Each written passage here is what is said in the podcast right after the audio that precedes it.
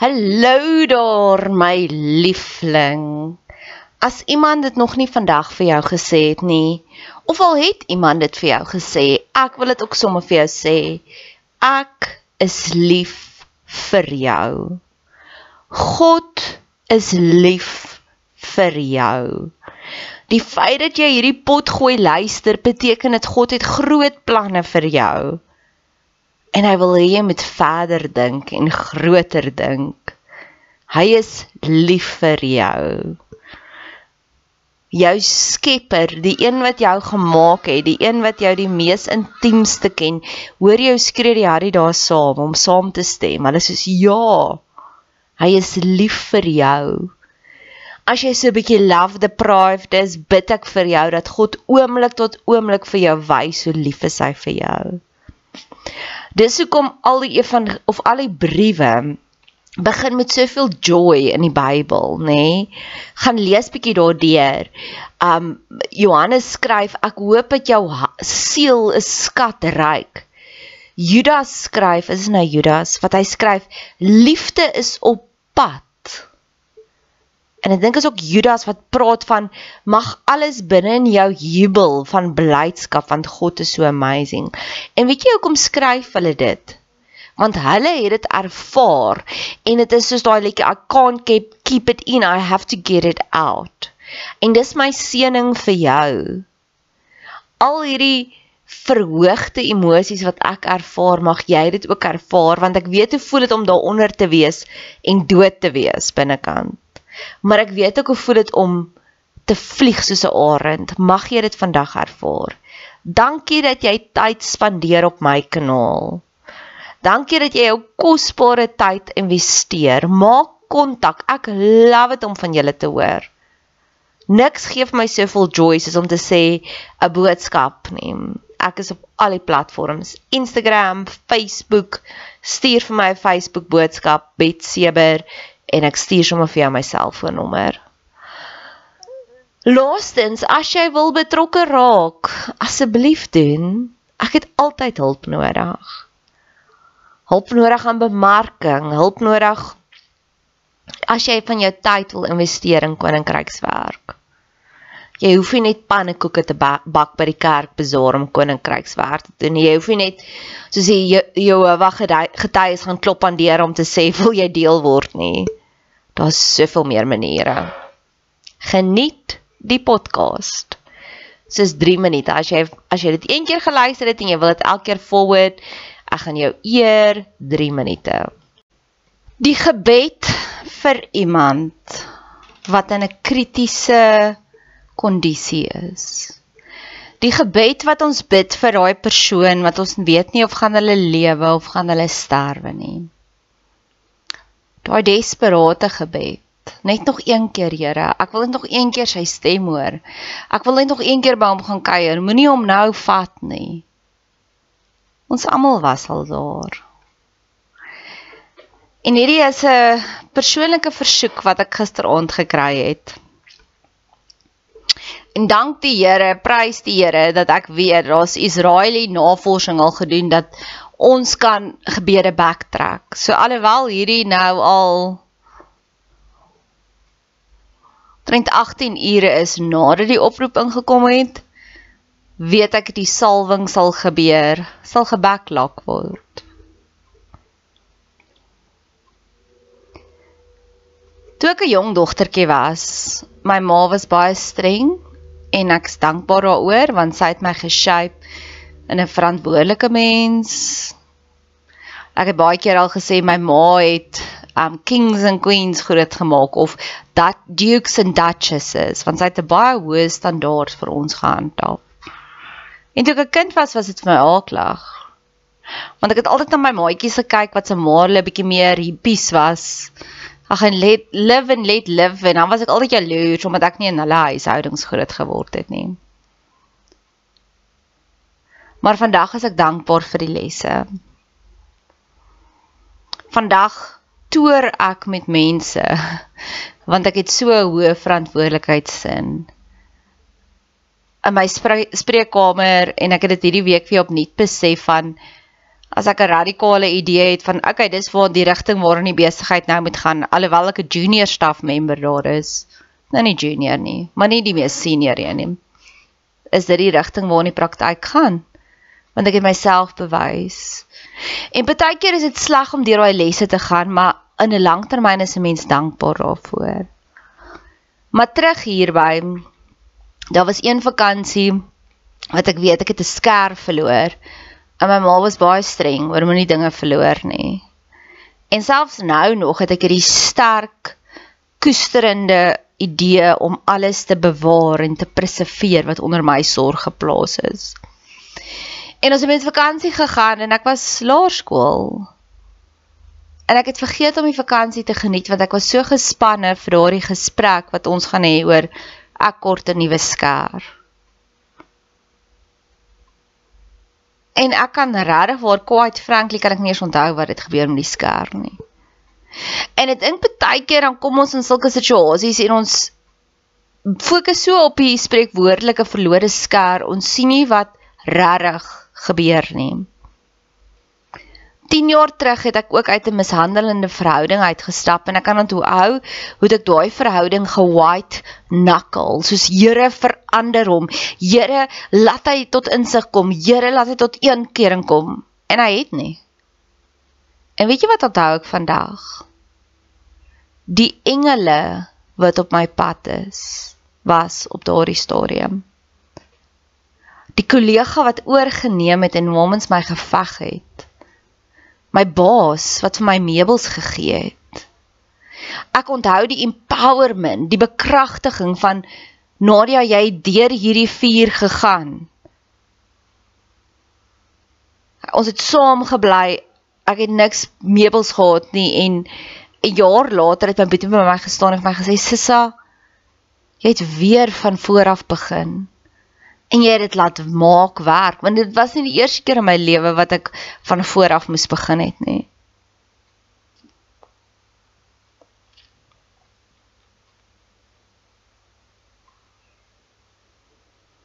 Die skoonheid van hierdie persoon vir wie ek bid is sy eggenoot. En hulle is al in hulle diep 80s, 90s, ek praat onder korreksie, maar hulle het 'n lang gelukkige huwelik saam gehad. Die eggenoot is in die begin van die jaar gediagnoseer met 'n baie gevorderde siklus Alzheimer of dementia, kan nou nie onthou watter een dit is nie. En ek wat buite kan die sirkel staan, sien net hierdie wow, kan ons hierdie fees vier?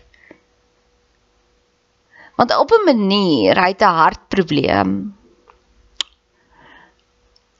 Ek wonder of in sy onderbewussyn hy nie gevoel het as my lewe nie meer saam met haar kan aangaan nie, wil ek nie meer hier wees nie.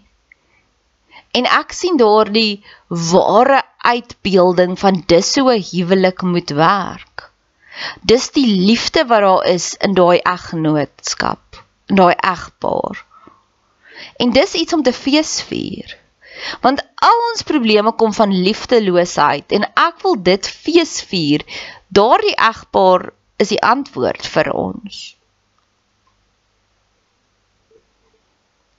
Jare terug het ek ook die film gekyk Collateral Beauty. En as jy ooit deur enige siek bed, deur enige kritiese omstandighede gaan kyk daardie film. En daar's hierdie engel op die vrou se pad en sy sê just make sure you notice the collateral beauty. Ek weet dat hospitaal totale se anointing, se salwing, se heiligheid is waarskynlik hoër as baie kerke sin. Omdat daar soveel desperate noodkrete al langs geliefdes se sterfbeddens opgegee is. Omdat daar soveel worsteling is tussen die goed en die sleg en dis hoekom ek dink baie mense het 'n lang siekbed.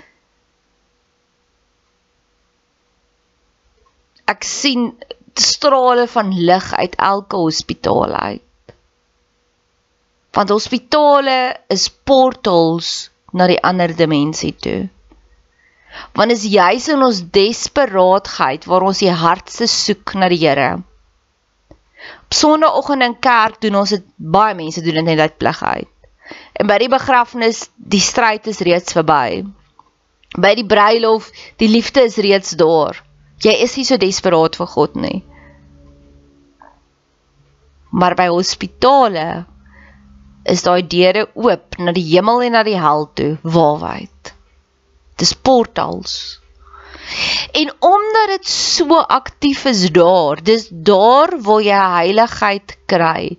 Dis daar waar daardie verpleegsuster iets raak sien wat sy nie moes raak gesien het nie en sy lewens kan red. Dis daar waar dis is 'n lughawe ook. 'n Lughawe is ook vir my hartstogtelike plek, 'n internasionale lughawe want is die broodste en die mees openbaarste emosies wat ons daar het. Die emosie van die babietjie wat sy eerste asem uitsig en skree wat ek volgende week in daai selfde hospitaal gaan beleef en dis nie ek wat swanger is nie.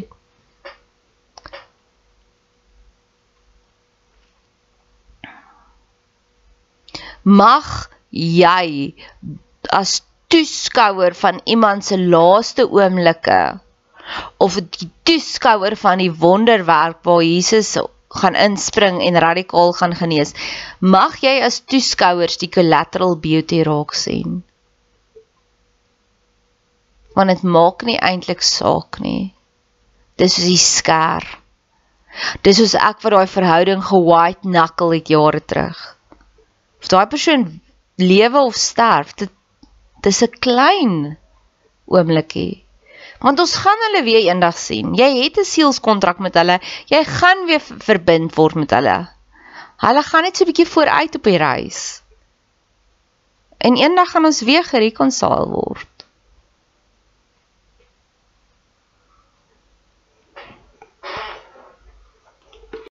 Maar die oomblik is nou. Die oomblik is nou waar jy diep kan inpraat in daai mense se harte Die oomblik is nou waar jy verhoudings kan vasmessel. Want almal se siele is waarwyd oop in trauma. Dis hoekom ons PTSD genees. Want in daai oomblik van trauma neem jou siel alles in.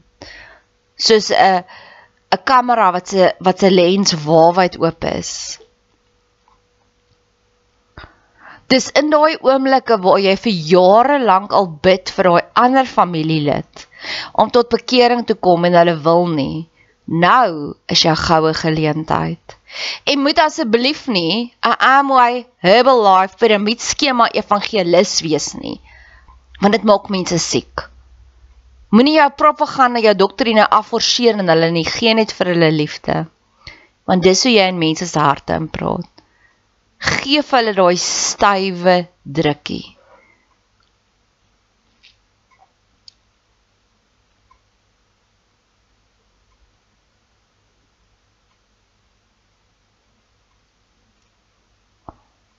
Mag jy nie meer hospitaal besoeke dread nie. Ek weet nie eers wat dread in Afrikaans nie.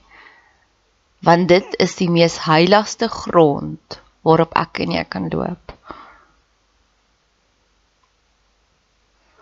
ek het ver oggend 'n Willie Spies rubriek gelees en waar hy die storie van jou roeping vertel en dan was daar 'n melkman in 1940 in Londen wat geloop het en sy melk afgelewer het. En dit is net die oomblik van absolute verwoesting in Londen.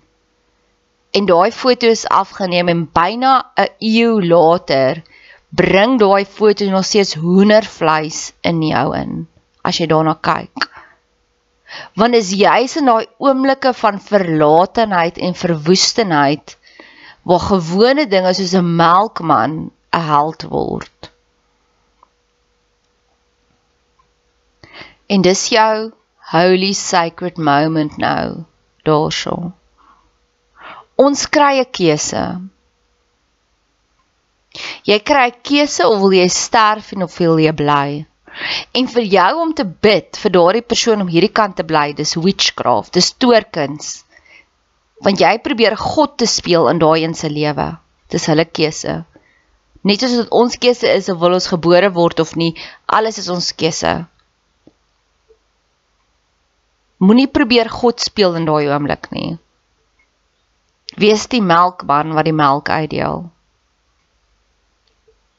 Soek die oomblikke waar God sê ek is naby die wat gebrokene is van hart. Laat hy homself volstoom in jou openbaar want is al wat jy in elk geval mag doen. Dit gaan nie oor jou witchcraft gebeure om hierdie een hier aan hierdie kant van die hemelgordyn te hou nie. Dit gaan oor jou. Dis opgestel vir jou.